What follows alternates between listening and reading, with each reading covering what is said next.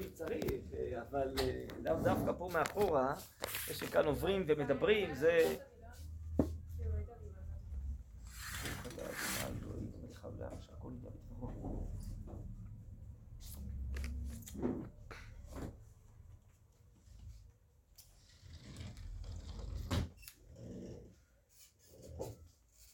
טוב, נקווה בעזרת השם.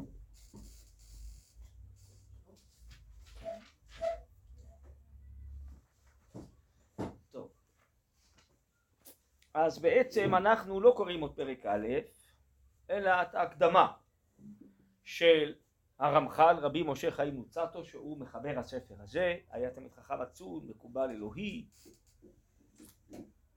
הרבה, רוב ספרה בנסתר, והספר הזה נכתב בצורה יותר פשוטה והתקבל בכל ישראל וכבר מאות בשנים לומדים הרבה מאוד יהודים מהספר הזה בעצם מוסר וכוחות הנפש. טוב, אז אני קורא. הקדמת הרב המחבר זצ"ל, אמר המחבר. המחבר זה רבי משה חיים מוצת או הרמח"ל, כפי שהוא מכונה. החיבור הזה לא חיברתי ולמד לבני האדם את אשר לא ידעו. אלא להזכירם את הידוע להם כבר ומפורסם אצלם פרסום גדול. כלומר, אדם יכול לכתוב ספר, תלמיד חכם כותב ספר בתורה, או שדברים מדורות קודמים לא ידועים, או דברים שהתחדשו בכל דור ודור. התורה מופיעה, מתגברת, נכון שהכל מהשורש של התורה ומה שתלמיד ותיק עתיד לחדש כבר נאמר למשה מסיני אבל בכל אופן יכול להיות איזה חידוש שרוב בני האדם עוד לא שמעו אותו בעולם. אבל הרמח"ל מקדים ואומר תשמע סביר להניח שכל מה שתקרא כאן בספר הזה אתה כבר יודע. ואם יעצרו אותך באמצע הרחוב וישאלו אותך אתה יודע שצריך להיות זהיר או זריז? אתה יודע שצריך אה, להיזהר מליצנות? וכולי וכולי, בטח שאני יודע. טוב, אז זה אומר שיש לך ידיעה שכלית. אלא מה הבעיה? שכתוב בתורה וידעת היום והשבותי לבביך. שמה שאתה יודע ייכנס ויחדור וימלא את הלב, או במילים אחרות, מה שאתה יודע בשכל יחדור לרגש, לרצון, לדמיון, לכל כוחות הנפש שלך, אתה תחיה את זה רגע רגע. וכל מה שתפעל יהיה מתוך זה. אבל אם אתה רק יודע, וזו ידיעה מופשטת שנמצאת אצלך, אבל היא לא ממלאת אותך, את נפשך, את לבך, ואתה לא חי על פיה, אז זה לא מספיק. וזה מה שהוא יכתוב כאן בהמשך ההקדמה שכדי שהדברים יהיו בתוך הלב צריך להעמיק בהם, ללמוד אותם, להבין אותם טוב, צריך לחזור עליהם, צריך להיות מחוברים לדברים האלה. ולא מספיק שיודעים אותם. אז נכון שבשאר מקצועות חול איך אומרים? שמי ש... לומד, יודע, מלמד, גיאומטריה לא חייב להיות משולש. אבל ביהדות, בתורה, זה לא ככה, אנחנו מאמינים שהתורה היא תורת חיים והתורה היא הוראה לנו לאמת, ליושר, לטוב, איך שראוי לנו לחיות. והתורה מותאמת לטבע הפנימי שלנו והתורה מעוררת את הכוחות הפנימיים שעצורים בנשמתנו. ומי שלומד תורה נקרא בן תורה, שהתורה מיילדת את כוחותיו מחדש. ובכלל, אומר בעל העגל ליטל, אחד מהתלמידים העצומים שהיו בעם ישראל בדורות האחרונים, זה בעצם שולשלת הרבי מסוכותשוב, שבתורה אין מצוות חינוך. יש מדי רבנן להרגיל את הילד, הילדה, למצוות, אבל אין מצווה מהתורה להתחנך. אז מה הכוונה שמהתורה לא חייבים להיות מחונכים? כן? אין מצווה מהתורה. למה? יש מצוות לימוד תורה ודיברת בה, מאור שבא מחזירו למוטב. עצם הלימוד התורה, זה לא משנה עכשיו להגיד היום ולילה, כן כל היום וכל הלילה, בנים או לא בנות, זה לא משנה. עצם זה שאתה לומד את התורה זה אור אלוהי שחודר לתוך הנפש ועושה אותנו טובים יותר, מעורר אותנו, ותכף הרמח"ל יסביר גם כן קצת איך זה פועל עלינו. אז לכן התורה מחנכת אותנו, וכך היה כל הדורות, אלפי שנה, כן? עוד לפני שקמה מערכת החינוך של מדינת ישראל, היהודים התחנכו לא רע, לא? היו די צדיקים וצדיקות, לא?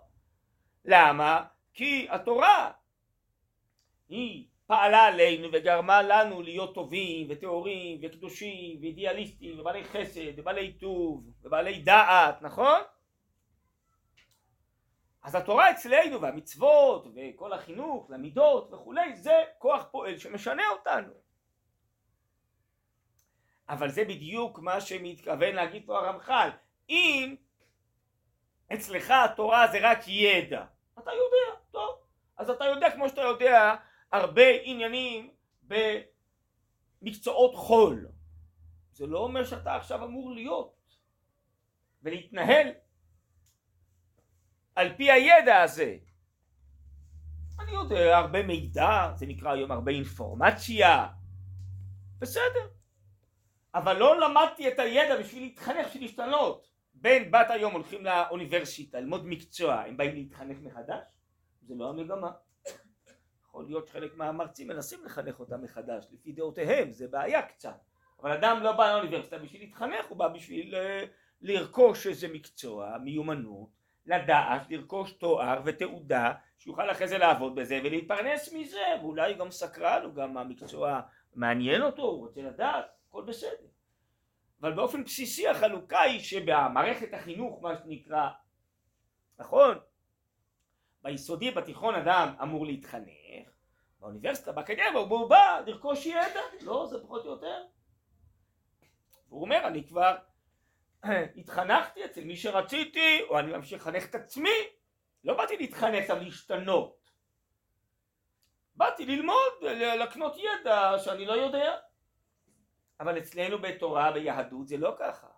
הנה, גם בגילים מבוגרים לומדים במדרשות, לומדים בישיבות, בשביל להשתנות, בשביל להתחנך, בשביל להיות יותר טובים, יותר אידיאליסטים, יותר עמוקים, יותר קדושים, יותר טהורים, יותר אמיתיים, כן?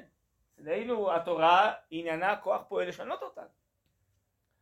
ובמיוחד אומר הרמח"ל כאן בדברים שקשורים לנפש של האדם מידותיו, תכונותיו, מעשיו אם הוא רק יודע, הוא יודע שאדם צריך להיות זהיר הוא יודע שהוא צריך להיות ענב, הוא יודע שצריך להיות נדיב אבל הוא לא חי ככה אז מה זה עושה? פה הוא לא בא לקנות ידע שאתה תדע בעל פה את כל ספר מסילת ישרים, נבחן אותך ותקבל עשר, אתה יודע כל מה שכתוב פה. אם אתה לא חי את מה שכתוב פה, לא מקיים את מה שכתוב פה, אז יפה שאתה יודע. יש אנשים שיש להם זיכרון פנומנלי, אני יודע, צילומי, זה מצוין שאתה יודע, לדעת זה דבר חשוב, אבל אנחנו רוצים שהידע גם יחדור לתוך הלב, ידעת היום והשבותי לבביך, אז אם אתה רק יודע ולא חי את זה על פי זה מתוך זה, זה לא מספיק לנו. הדרישות שלנו הן הרבה יותר מאשר ידע. בסדר? החלוקה ברורה? אז זה מה שהוא גם יכתוב. לא באתי לחדש לך בעוד דברים שאתה לא יודע, ורוב האנשים, תעצור אותם, הם ידעו כל מה שכתבתי פה. אבל בשביל מה אני אבקש ממך ללמוד את הספר הזה ולחזור עליו? כי אני רוצה שתעמיק בו ותחשבן איך זה חודר לתוכך, איך אתה מיישם את זה בשעת מעשה, תעשה חשבון נפש מתוך זה, תעבוד כל פעם על תכונה ומידה אחרת ותשנה אותה לטובה, תחיה את הדברים האלה, תחיה מתוכם, בסדר?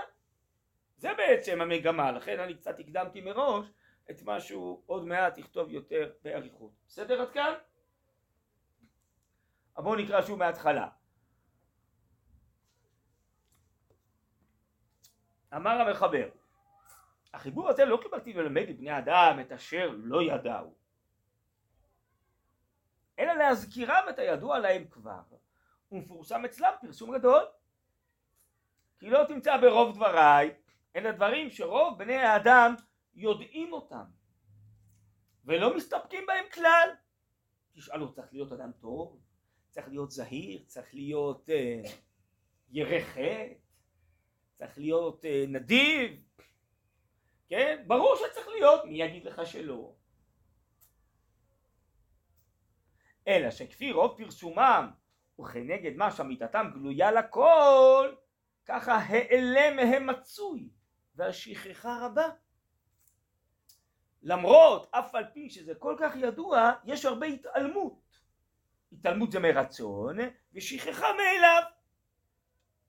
בואו נחשוב רגע ביחד. מה אנחנו שוכחים, מה אנחנו לא שוכחים. מה אתם אומרות? שוכחים את מה שלא קשור. כן, נכון. אולי גם שוכחים מה שאנחנו רוצים לשכוח, לא? גם המושג הזה של העלם.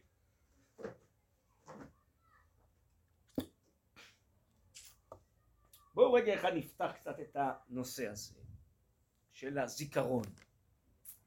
מה אתם חושבות? מה לפי דעתכם?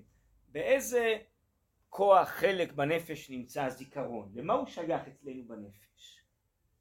אה? מה אתם אומרות? מה אתם יודעות?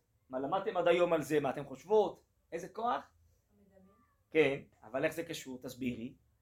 כאילו זה בדמיון שלנו, כאילו זיכרון. אה, כאילו אני מדמיין את זה. כן. Mm. טוב.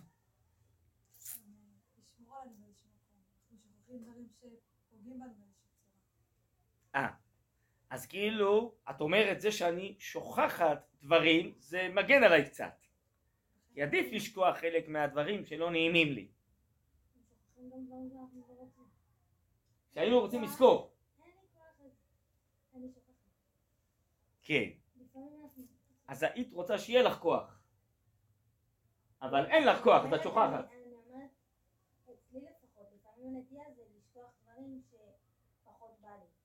כן. אז זה מתחיל, את אומרת, מהרצון, מה שאת לא רוצה. בא לי זה רצון, לא, יש לאדם כוח הרצון. יש... אה, הרמב"ם מחלק את הנפש לחמישה כוחות. כוח הזן, שמפעיל את מערכות הגוף, אבל נעזוב אותו. זה משהו כאילו מכני שעובד מאליו. יש כוח השכל, הרגש, הרצון והדמיון. אז את אומרת שזה עלול להתחיל מהרצון. מה שאני לא רוצה, אז אני גם אשכח.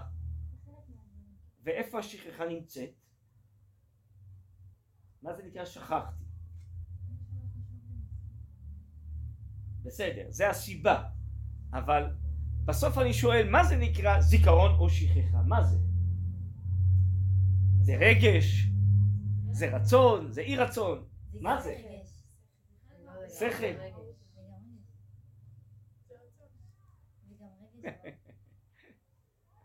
טוב, אני אגיד לכם מה שהרמב"ם אומר בשמונה פרקים בפרק א'.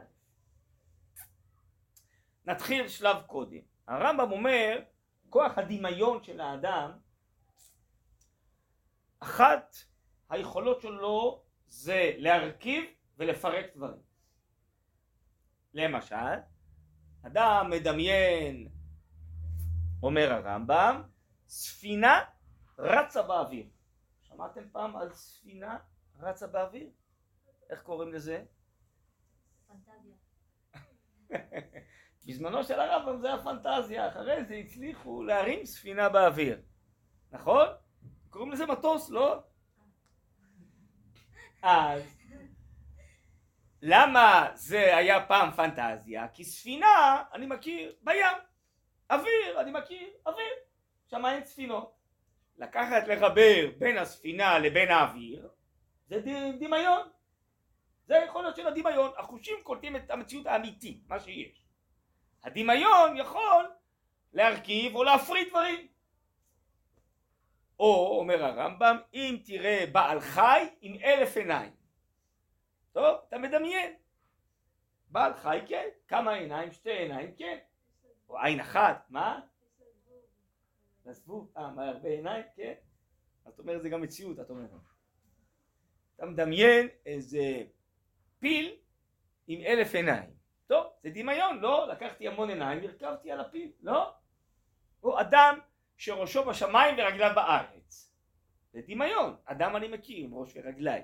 שמיים וארץ אני מכיר, אבל אדם כל כך ארוך, כל כך גבוה, שראשו בשמיים ורגליו בארץ אני לא מכיר, נכון? זה דמיון.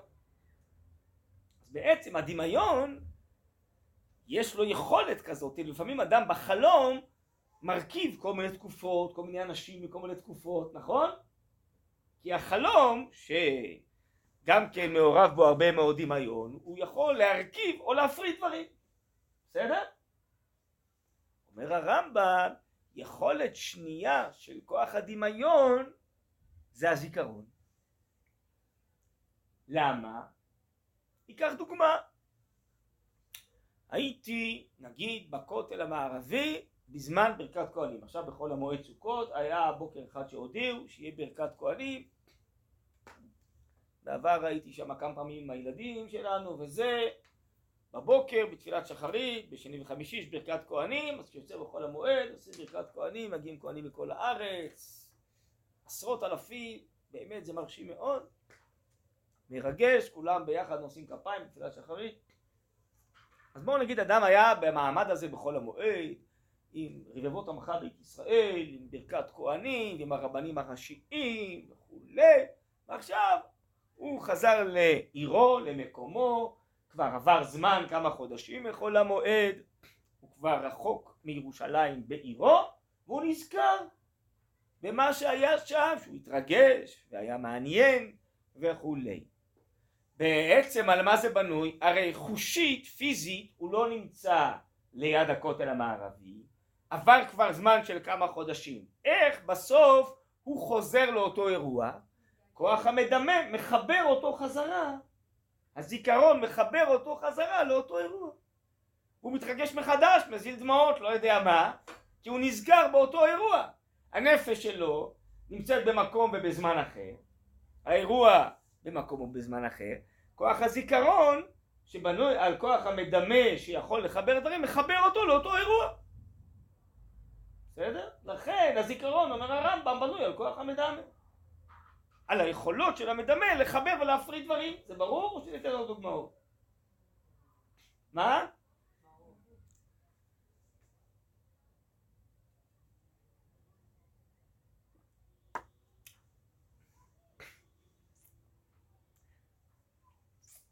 עכשיו בואו נדבר רגע אחד על השכחה. בסדר? שהזכרתם שלפעמים האדם רוצה לשכוח דברים, או לא מתחשק לו לזכור אותם, יכול להיות באמת שזה מתחיל מרצון. אבל עצם פעולת השכחה היא גם כן קשורה לכוח המדמה. היא בעצם מפרידה, מרחיקה ביני לבין הדבר, כמו שהזיכרון מקרב, השכחה מפרידה. זה גם יכולות של כוח הדמיון. ומה שהזכרתם אולי שלפעמים אני לא רוצה ואז מה שנקרא בלשון הפסיכולוגית הדחקה אני מדחיקה משהו וכאילו זה רחוק ממני לא קשור אליי. בואו ניתן לכם דוגמה בסדר? שקשורה גם לחושים שלנו כי הכל עובד ביחד בתוך האדם. איך כוח המדמה הוא עובד גם ביום, הוא עובד כל הזמן. והוא מחבר אותי לדברים ומרחיק אותי לדברים וייתכן מאוד שלזה הרמח"ל מתכוון כאן כשהוא אומר כולם יודעים אבל הם לא מחוברים ואני רוצה להרגיל אותך להתחבר לדברים האלה שכולם יודעים זה לא עוזר לי שכולם יודעים צריך להיות מחוברים במילים אחרות צריך לעבוד על כוח המדמה צריך לעבוד על החיבור צריך לעבוד על כוחות הנפש שיחברו אותנו בסדר? אז הנה בואו תיקחו איזה דוגמה, אני אספר לכם מעשה שהיה לי.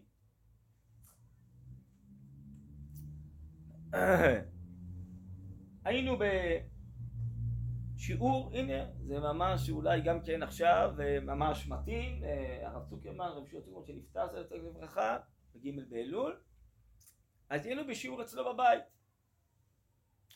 איפה שהוא גר בבית הקודם, זה היה ברחוב לינקולן, בירושלים והיו הרבה אנשים בחדר וחדר, ליד החדר של הסלון שלו שהוא העביר שיעורים היו שם הרבה ילדים כי זה היה שם החדר של הילדים. ובאמת בתוך השיעור אה, הזה אמנם היו אנשים אבל היו שם רעשים וצעקות מעבר לדלת של הילדים וגם היה חלונות פתוחים לרחוב.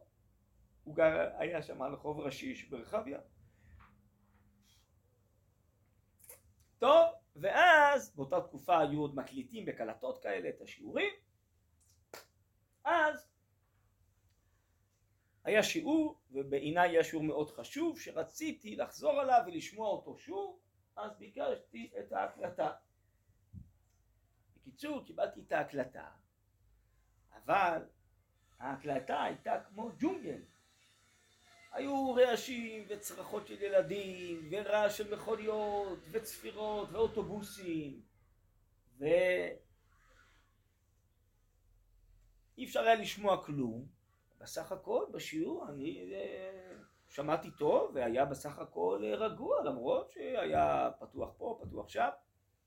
אז אמרתי למי שנתן לי את ההקלטה, זה טעות, זה לא השיעור, אני הייתי באותו שיעור, תבדוק עוד פעם, תן לי את ההקלטה הנכונה, הוא אומר לי לא, לא, לא, זה זה, כתוב לי שזה השיעור ביום הזה בשעה הזאת, זה זה, זה השיעור. אתה טועה, הוא אומר לי, זה השיעור.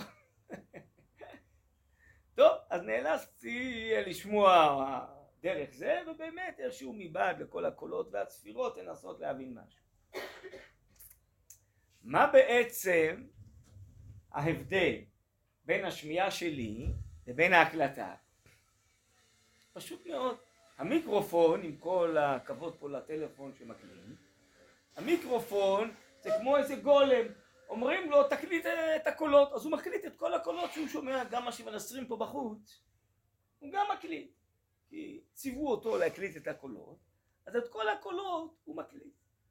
אבל כשאני הייתי בחדר, גם האוזן שלי גם איזה מיקרופון שקולטת את כל הקולות. אבל אני הפרדתי בנפש שלי, על ידי כוח המדמה שלי, בין הקולות החשובים לשאינם חשובים. ואני הייתי מרוכז במה שחשוב. לגמרי התעלמתי מהקולות האחרים. זה לא הפריע לי. ולכן יכולתי לשמוע את השיעור. למרות שהכל היה, אוטובוסים וצפירות וצרחות של ילדים, הכל היה. אבל יש יכולת בנפש בעצם להדחיק את מה שהיא לא רוצה ולחבר את עצמה למה שהיא רוצה. זה יכולות של כוח המדמה, שאפילו הוא מעורב בתוך החושים שלנו ונדמה לנו שאנחנו שומעים מאליו, לא? הנפש שומעת וכוח המדמה שבנפש מקבל אליו את השמיעה, כיוון שהוא יודע מה אני רוצה לשמוע, מה הרצון שלי רוצה לשמוע, אז כוח המדמה מחבר אותי לקולות הרלוונטיים החשובים ודוחה כאילו, דוחק הצידה את הקולות שלא חשובים. למרות שהעין, האוזן, אין שום ספק, שמעה את כל הקולות בדיוק כמו המיקרופון. המיקרופון לא, אין לו כוח המדמה, הוא לא יודע לעשות את ההפרדה הזאת והחיבור הזה, והנפש כן יודעת. בסדר? זה ברור? אז אם כן, על זה בנויה היכולת הזאת שנקראת בפסיכולוגיה הדחקה. לפעמים אדם לא רוצה כל מיני דברים לזכור, הם מאיימים עליו, מטרידים אותו, רוצה להתחמק מהם, לא רוצה להיות שייך אליהם, אז הוא בעצם עושה הדחקה כאילו זה לא, כאילו זה מין תנועה כזאת עם היד, אז הוא עושה תנועה כזאת בנפש, כן? הוא לא רוצה להשתייך לזה, ואז הוא לא שייך לזה, בסדר? אבל גם כשיש הדחקה זה עדיין משפיע על החיים. נכון, זה ודאי משפיע, אלא אם כן הצלחת להתרגל להדחקה הזאת ואפילו לשכוח את זה, ואז אולי זה כבר לא בתוך המרחב של החיים שלי בכלל, כי זה מחוץ לי. מי שכל הזמן מרגיש את ההדחקה שהוא עושה, אז זה ודאי משפיע עליו, כי הוא בתוך זה, הוא ממשיך להדחיק כל הזמן. אז הוא מודע לזה, או לפחות נפשו מרגישה את זה שהוא ממשיך להדחיק. נכון. כן? אולי אני אתן לכם עוד דוגמה, שהיא גם קשורה, היא קשורה לראייה.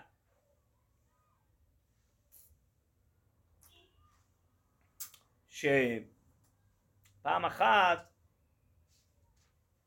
שעוד לפני שהיה כביש 6, אנשים דרך כביש 40, מישהו ביקש ממני, אם אני נוסע לאזור המרכז, שאני אכניס משהו למושב איתן.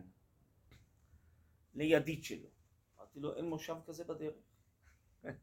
אומר לי, מה, נסעת פעם על הכביש הזה? אין מצב שלא ראית את השלט, מושב איתן. אם מגיעים מצפה רמון זה שמאלה, אם מגיעים במרכז זה ימינה, יש מושב איתן. אמרתי לו, טוב, תן לי את החבילה, אם יש כזה דבר, אני אכניס לו. הוא רואה איזה פלא, כנראה שערב לפני שהגעתי מישהו תקע שם שלט, מושב איתן, ובאמת יש שם על הכביש מושב איתן. אז זה ברור שהעין שלי קלטה את השלט הזה. אבל כיוון שאין לי שום קשר למושב איתן, וזה לא מעניין אותי, אז למרות שהעין צילמה את מושב איתן, הנפש לא קלטה את זה בכלל. כאילו היא לא ראתה. כי הנפש מרוכזת בכביש, כדי לנסוע, שלא יהיה חס וחלילה תאונה, היא מרוכזת ביעד שאני רוצה להגיע, היא מרוכזת במה שחשוב לה. אבל היא הדחיקה לגמרי דברים אחרים שהיא ראתה, עד כדי שהיא בכלל לא יודעת שהיא ראתה. משל למה הדבר דומה? זה קורה, קרה לי, קרה לכל הילדים שלי. פעם ראשונה שאדם שם לב שיש תמרורים על הכביש, זה אחרי שהוא למד תיאוריה. לפני שהוא למד תיאוריה בכלל אין שום תמרורים במדרכות, על הכבישים. וגם אם הוא רואה זה לא אומר לו כלום, הוא לא יודע מה הם רוצים, כל הנג'זים האלה, שכל מיני ציורים עגולים, כל מיני צבעים, הוא לא מבין מה זה אומר ולמה זה חשוב בכלל שזה יהיה פה, בכלל זה נמצא. אחרי שהוא לומד תיאוריה פתאום מתחיל לשים לב שפה זה אומר את זה וזה אומר את זה. זה אותו דבר.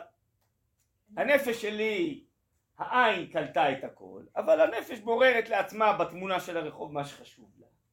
מה שהיא לא יודעת, היא לא מבינה, לא חשוב לה, לא נצרך לה, היא מדחיקה הצידה, היא בכלל לא ראתה, היא לא שמה לב בכלל שיש תבור. בסדר? נכון? יש כזה דבר? כן. לקות. טוב, מה זה עוזר אבל שאנחנו קוראים לזה לקות? הדחקה, את יכולה לקרוא לזה לקות, איך שאת רוצה. לא, נגיד, אה, נתת את הדוגמה של השמיעה. כן. יש אנשים אה, בעוד של קשב אה, טוב, זה עוד נושא. לא, לא, זה עוד נושא. אני מדבר גם על אנשים רגילים. נראה לי שזה נכון לכולם, כי לכולם יש כוח המידע. קשב וריכוז זה עוד נושא, אולי נדבר על זה פעם, בסדר? זה עוד נושא.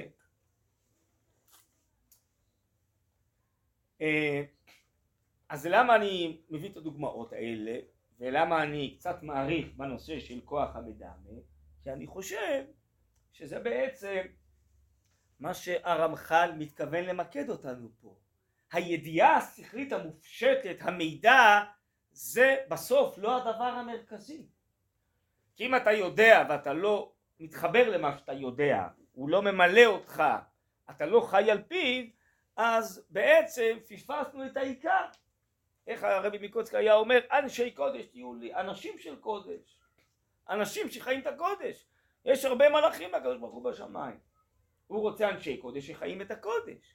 אז בשביל לחיות את הקודש אתה צריך להיות מחובר לזה, שזה יהיה חשוב לך, שזה ימלא אותך, אתה חי על פי זה.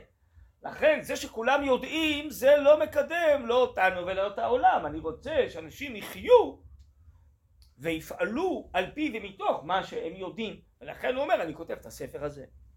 אז אני מנסה למקד את זה בכוחות הנפש. כמו שהוא אומר פה מה זה ההיעלם מצוי והשכחה רבה? אני מנסה להסביר את זה באופן מדויק יותר בנפש שלנו. למה יש היעלם מצוי, התעלמות ושכחה רבה?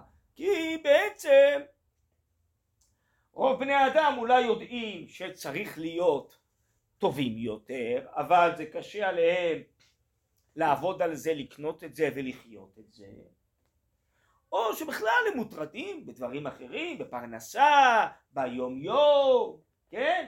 אז הנפש שלהם מעדיפה להפריד בינה לבין הדברים החשובים האלה שהם יודעים כי אין להם זמן עכשיו, יש להם דברים יותר חשובים, יותר מיידיים, לא משנה, כל מיני סיבות עכשיו למה זה קורה אבל בסוף התוצאה של ההתעלמות והשכחה היא משהו שקשור בעצם לכוח המדמה שבאדם שהוא מסוגל לעשות הפרדה ביני לדברים רק אני, שנייה אחת, אני רק בא לומר שבעצם אם זה הנושא, צריך לראות בלי נדר בהמשך הספר איך אנחנו יכולים לעבוד על כוח המדמה ולשנות אותו שגם ירצה וגם יפעל כדי לחבר אותנו לדברים. אם אני מאתר את נקודת החולשה אולי שם יהיה הפתרון. יותר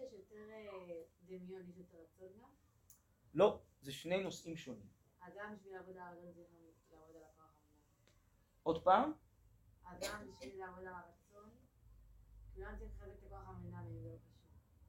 כוח המדמה, אם אני מבין שהוא עלול להפריד אותי, להרחיק אותי מהדברים, אז אם תבין שזה הדבר שמרחיק אותך, אז אתה מאליו אולי גם תרצה לעבוד על זה כדי להתחבר.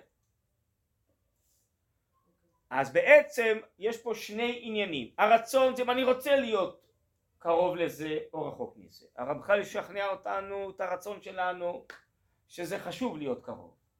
איך עושים את זה?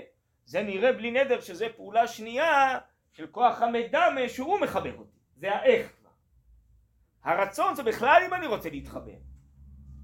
אחרי זה אם אני רוצה להתחבר, איך מתחברים זה כבר קשור לכוח המידע. בסדר? הלאה, אני ממשיך לקרוא. על כן אין התועלת הנלקט מזה הספר יוצא מן הקריאה בו פעם אחת. כי כבר אפשר שלא ימצא הקורא בשכלו חידושים אחר קריאתו שלא היו בו לפני קריאתו אלא מעט כי אמרנו שלרוב בני אדם יודעים כבר את הדברים האלה. אבל התועלת יוצא מן החזרה עליו וההתמדה למה? מה יצא לי מהחזרה וההתמדה? כי זכרו לו הדברים האלה הנשכחים מבני אדם בטבע, זיכרון.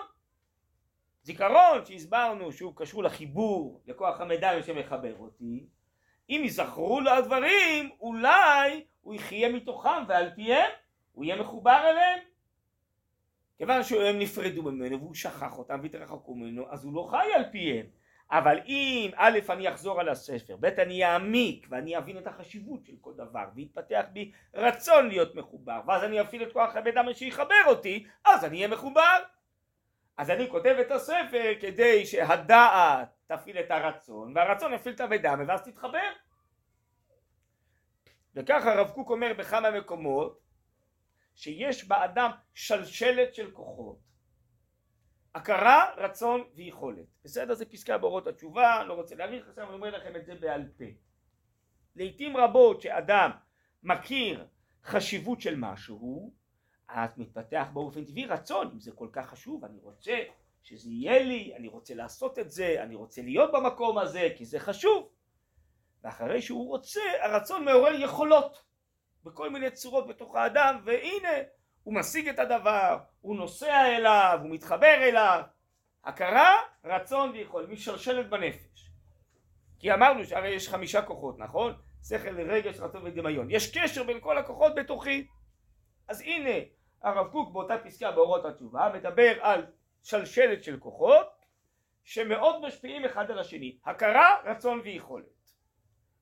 שאתה מכיר שמשהו מאוד חשוב, הנה למשל הכרתם שחשוב לכם ללמוד תורה, להתמלא נגיד אחרי שירות לאומי, מה שחלק מהמנות אמרו לי, זה מעורר רצון ללמוד במדרשה כדי להתמלא, בסדר? והרצון גורם לי יכולת שאני מוכנה להשקיע בזה, לנסוע רחוק וזה, לוותר על כל מיני דברים כדי לממש את זה, להתחבר לזה. אז הכרה, רצון ויכולת בנושא הזה, בסדר? וזה ככה בכל נושא בעצם. יותר גדול, יותר חשוב, פחות חשוב. הכרה, רצון, יכולת. אז עכשיו, בנושא שלנו כאן, בנושא של המידות והתכונות ויראת השם, והוא ימשיך בהמשך אהבה ויראה ודבקות ושמחה וכל מיני תכונות ומידות שחשובות לאדם, כולם יודעים שזה חשוב, אבל בסוף לא עוסקים בזה ומתרחקים ושוכחים ועסוקים בדברים אחרים ביום יום אומר הרמח"ל אני כותב את הספר כדי לחבר אותך לזה. מה בעצם הוא מתכוון? איך הוא יחבר אותנו לזה? בעצם הוא רוצה שנלמד ונפתח את ההכרה בחשיבות התכונות האלה ובחשיבות לחיות את התכונות האלה. ההכרה תעורר את הרצון שלנו להתחבר ואז תתעורר בנו יכולת היכולת כאן של זיכרון לעומת שכחה היכולת כאן תופיע על ידי זה שכוח המידע יחבר אותנו. לפעמים צריך יכולות אחרות של גבורה, של זה, לא משנה. כאן היכולת שהרב קוק מדבר עליה זה בדמות כוח המידע מהזיכרון אז אם אתה תלמד את הספר ותחזור עליו ותעמיק בו הוא אומר ואז תבין כמה זה חשוב זה עשוי לעורר אצלך רצון מחודש להתחבר לתכונות האלה וממילא תתעורר בך יכולת נפשית שאנחנו קוראים לה כאן זיכרון. בעצם כוח המידע להתחבר לדברים האלה ולחיות אותם. בשביל זה אני כותב את הספר. לחבר את כולם לדברים הידועים לא לחדש להם דברים שלא ידועים. בסדר עד כאן? זה המבנה שבעצם הוא עושה פה. אני רק מסביר את זה קצת בלשוננו עם התאמות. הוא כותב את זה בסך הכל במילים קצרות שלו אבל לכן הוא לא מתכוון ללמד דברים חדשים אלא לחבר אותנו לדברים הישנים שזה הוא חושב עבודה יותר גדולה ויותר קשה להתחבר לדברים הישנים בסדר? בואו נמשיך לקרוא עוד קצת אה, על כן אין התועלת הנלקט מזה הספר יוצא מידי הקריאה בו פעם אחת כי כבר אפשר שלא ימצא קורא בשכלו חידושים אחר קריאתו שלא היו בו לפני קריאתו אלא מעט. אבל התועלת יוצא מן החזרה עליו וההתמדה. למה התמדה? אדם מתמיד במה שחשוב לו. הוא מוכן להשקיע בזה זמן, חזרות. אז ההחזרה וההתמדה זה יעורר בך את החשיבות של זה שתרצה להתחבר לזה. אמרנו הרצון יעורר את היכולת. אבל התועלת יוצא מן החזרה עליו וההתמדה כי ייזכרו לו. זה מה שאני רוצה לעבוד בעצם על הזיכרון ועל החיבור. ייזכרו לו. הדברים האלה הנשכחים מבני אדם בטבע. הטבע משכיח. היום יום צורכי היום יום המטלות המיידיות היומיומיות בסוף גורמות לאדם שהוא לא יעסוק בעיקר. מה זה העיקר? יראת השם, אהבתו, קרבת השם, התעלות רוחנית התקרבות לקדושה. אין לו זמן. הוא צריך ללמוד, הוא צריך לעבוד, הוא צריך לחנך את הילדים שלו וכולי וכולי. בסוף הוא לא מגיע לעצמו, לנפשו, הוא לא מקרב את עצמו להשם הוא לא מתעלה. בשביל מה נברא האדם בצלם אלוקים? בשביל להידמות לקדוש ברוך הוא בשביל לעלות במעלות הקודש בסוף אין לו זמן לעיקר. איך אומרים? מרוב עצים בסוף לא רואים את היער נכון? זה מה שקורה לרוב בני אדם בחיים. מרוב עניינים הכרח אני חייב לעשות את זה וחייב לעשות את זה וחייב לעשות את זה לא? ואדם חי אז יש לו דירה אז הוא צריך אה, לדאוג שהדירה תהיה נקייה ואם נשבר פה משהו הוא צריך לתקן והוא צריך לשלם חשמל והוא צריך זה והוא צריך זה והוא צריך זה. הוא צריך שהרכב שלו ומשהו יתקלקל ברכב אבל הוא צריך לנסוע אז בקיצור אין סוף דברים אין סוף עניינים. כל הזמן שולחים לו מכתבים היום כבר לא שולחים מכתבים שולחים מיילים וזה. מזכירים לו את זה מזכירים. אדם יכול להיות טבוע באין סוף דברים. בסוף ברוב דברים הוא לא עוסק בעיקר. זה לא שהוא אדם רע אף אחד לא רע. וכולם יודעים מה האמת אבל זה מה שאומר הטבע משקיע החיים מסיחים את הדעת, בסוף מהעיקר זה מה שקורה.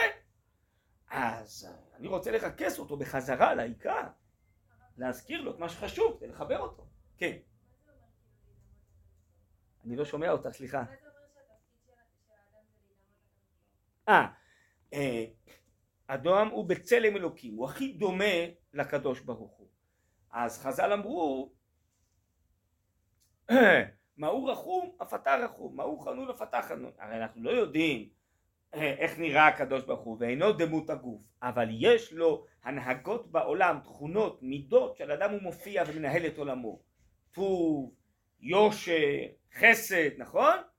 כשאני גם כן יהיה לי את התכונות האלה ואני אפעל מתוכם, אז אני הכי דומה לו. נכון? יופי. אז אה, יכול להיות שגם אתה צריך לעשות דברים לא טובים, למשל להילחם עם הרשעים, בסדר? יכול להיות אבל את אומרת שהוא עושה דברים שלכאורה בכלל נראים לא טובים, שהוא עושה גם רע לצדיקים. טוב, אז את צודקת, זו שאלה גדולה באמונה ששאלו כל הנביאים והחכמים, ואת צודקת. שזה, אומר הרב קוק באיזה מקום, רק לעתיד לבוא יתגלה למה הקדוש ברוך הוא מוציא לפעמים טוב מתוך הרע. חשבון מאוד עמוק. בסדר. אבל הוא לא מצווה אותי לעשות דברים רעים. הוא מצווה אותי לעשות רק דברים טובים. אבל אומר הרמב"ם, אם תעשה חשבון על רוב הדברים שבעולם, רוב מה שמגיע מהשמיים, מהטבע, זה דברים טובים. רק מעט מגיע מהשמיים רע. וזה יוצר אור ובורא רע, הוא יודע למה הוא עושה את זה, ולעתיד לבוא זה יתהפך לטוב. רוב הרע שבעולם, אומר הרמב"ם מורה נבוכים, זה אנשים עושים או לעצמם או אחד לשני, או עם לעם. בסדר? אז אנחנו מצווים, אנחנו מתרגם הכוונה היא ללמוד מהטוב של הקדוש ברוך הוא. הוא יכול גם לעשות רע, ושזו תכלית מאוד עמוקה, שלא תמיד אנחנו יודעים למה. אבל רוב גם מה שהקדוש ברוך הוא עושה זה טוב, אומר הרמב"ם. בסדר? אבל באמת השכל שלנו הוא בסך הכל אנושי, ועם כל זה שאנחנו בחיר היצורים, שיש לנו שכל ודעה ובחירה חופשית, אבל מה זה לעומת השכל של הקדוש ברוך הוא? אבל להיות דומה לו זה למשל אומר הרמב"ם עוד עניין. אנחנו הנברא היחידי שיש לו בחירה חופשית. שיכול מעצמו לבחור לעשות טוב או רע גם ברואי מעלה וגם ברואי מטה אין להם בחירה חופשית. המלאכים אין להם בחירה חופשית. הם ישר עושים טוב. וברואי מטה בעלי חיים צמחים אין להם בחירה חופשית. הם באופן אינסטינקטיבי פועלים. האדם היחידי שיש לו בחירה חופשית כמו שלהשם יש בחירה חופשית גם לאדם זה נקרא בצלם אלוקים אומר הרמב"ם שעשה אותנו. אז יש לנו אחריות לבחור בבחירה החופשית הזאת דברים טובים או דברים שהשם רוצה דברים שיפתחו את העולם ולא יהרסו אותו. זה למשל נקרא להיות דומה להשם גם כן בסדר? אבל זה נושא גדול באמת מה שאת שואלת מה זה נקרא להיות דומה להשם וכולי. אנחנו יודעים שתורתנו רוצה להרבות בעולם אור וטוב ואמת ויושר וצדק ורוצה לתקן את העולם ולהביא לגאולתו והתעלותו וזו בעצם הייתה כוונתי שעם כל זה שכולם יודעים שיש דברים חשובים שצריך לעשות לתועלת האדם, לתועלת העולם, רוב בני אדם מסיחים את דעתם מזה כי יש להם המון עניינים רגעיים חשובים שקשה להם להיחלץ מהם. בסדר? זה מה שהוא מסביר, לכן בסוף השכחה רבה. אז כמו שבאים למדרשה ללמוד ואז מתרכזים באיזה נושא, בנושא הזה של בניין האישיות, בזכות זה שמקדישים לזה שנה, מתרגלים לזה, אז מתקדמים באותה שנה ואחרי זה זה מקרין לשנים הבאות. אותו דבר אומר הרמח"ל, אני כותב לך ספר כדי להבליט לפניך תלמד, תשקיע בזה זמן, לא רק בקריאת הספר, תעשה אחרי זה הוא אומר חשבון נפש, בשעת מעשה, שלא בשעת מעשה תמצא זמנים לחשוב וללמוד ותנסה בעצם לחשוב על תכלית החיים ואיך כל הדברים שאתה עושה בסוף אתה מרכז אותם לתכלית כמו איזה פירמידה יש המון דברים רחוקים אבל בסוף איך את הכל סוחבים ומרכזים לעיקר לתכלית ולא שהחיים מתפזרים ואין להם שום מטרה, שום תכלית, סתם זורמים, איך אומרים היום זורמים, אנחנו זורמים. זורמים לאיפה? לא יודעים לאיפה זורמים. חבל, זה בזבוז, לא? אדם יכול לחיות 120 שנה, לבזבז את חייו, הוא חי. בסדר, גם בעלי חיים חיים, לא יודע, לא 120 שנה, חיים פחות. אוכלים, שותים, ישנים וזה, בסדר, אבל בשביל מה? זה מה שהוא ישאל כאן בפרק א', מה תכלית האדם? אנחנו עוד בהקדמה. פרק א', בשביל מה אנחנו חיים? מה תכלית האדם? מה תכלית הבריאה שנבראה. עכשיו התחלנו לקרוא על בראשית ברא אלוקים לפני כמה שבתות. בשביל מה העולם נברא? מה התכלית? למה עם ישראל נברא? למה עם ישראל יצא מצרים קיבל תורה? מה התכלית? בשביל מה? זה שאלות לא פשוטות בכלל. שאלות עמוקות. שיש לנו תשובות מתוך התורה עד מקום שידינו מגעת כי שוב השכל האלוהי הוא הרבה למעלה ממה שאנחנו עוד מסוגלים להבין אבל לפחות מה שאנחנו כן מסוגלים להבין חשוב להבין אבל אם האדם יגידו אני יודע מה התכלית א' ב' ג' הוא לא חי על פי זה לא מחובר לתכלית לא מרכז את פעולותיו לתכלית אז מה זה עוזר שאתה יודע? אתה יודע והולך הלאה. אנחנו רוצים שתדע וזה בעצם יאיר את כל מעשיך ופעולותיך. לאור זה תלך ככה הרמב"ם כותב בפרק חמישי של שמונה פרקים. שתכלית האדם בסוף זה לקחת את כל פעולותיו למטרה המרכזית.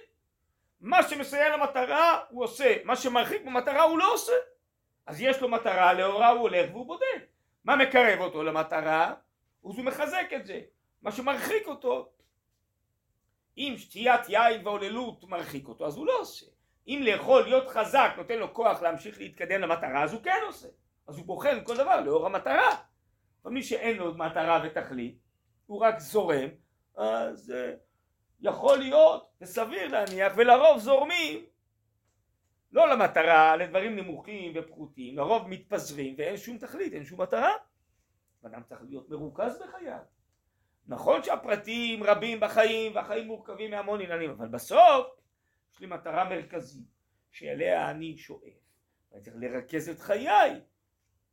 אחרי זה בעזרת השם אחרי שאני חושב על החיים שלי אני צריך לחשוב אני צריכה לחשוב איזו איזה בית אני רוצה להקים מה הדבר המרכזי שאני רוצה שיהיה בביתי. אני אומר את זה להרבה זוגות שמתחתנים אל תזרמו עם החיים, תחליטו עכשיו איך אתם רוצים שהבית שלכם ייראה עוד עשרים שנה, עכשיו תחליטו. למה? כי אז תתאמצו כל הזמן לדחוף למטרה את כל החיים. אבל אם לא תחליטו, לרוב החיים יחליטו בשבילכם ויפזרו אתכם לכל מיני מקומות שפתאום אחרי עשר עשרים שנה אתם עלולים למצוא את עצמכם מאוד רחוקים מהמטרה מהתכלית שלמדתם עליה בישיבה או במדרשה ותראו כמה התרחקתם. כי מי שיש לו תכלית הוא מרכז את הכל בשביל התכלית. כן? אז זה גם כן קשור לזיכרון ולשייכות ולחיבור. והשכחה וההתעלמות גורמת שבעצם למדתי דברים חשובים אבל בעצם התרחקתי מהם. ואני אומר לכם מניסיון שלא מעט בנים ובנות אומרים לי את זה אחרי חמש, עשר שנים שבאמת הם לא עבדו על הזה שהם מרגישים שמאוד התרחקו מהמטרות הראשוניות שהיו להם כשהם יצאו מהישיבה או מהמדרשה או כשהם הקימו את ביתם כי החיים סחפו אותם לכל מיני מקומות.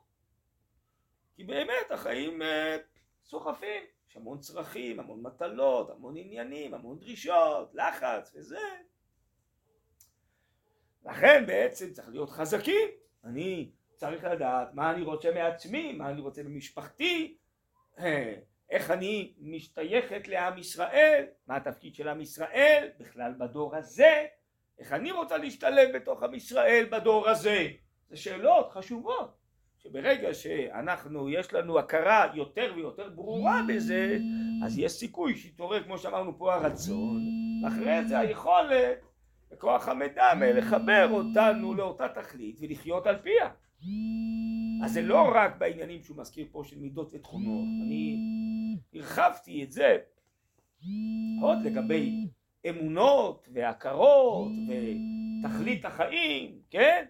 שגם עוד פעם אם תרצור את האדם תשאל אותו הוא ודאי יגיד לך מה התכלית אבל זה לא אומר שהוא באמת חי על פי זה אז אותו דבר יכול לקרות בעוד נושאים לא רק בעניין של אהבת השם ויראתו והתכונות הטובות.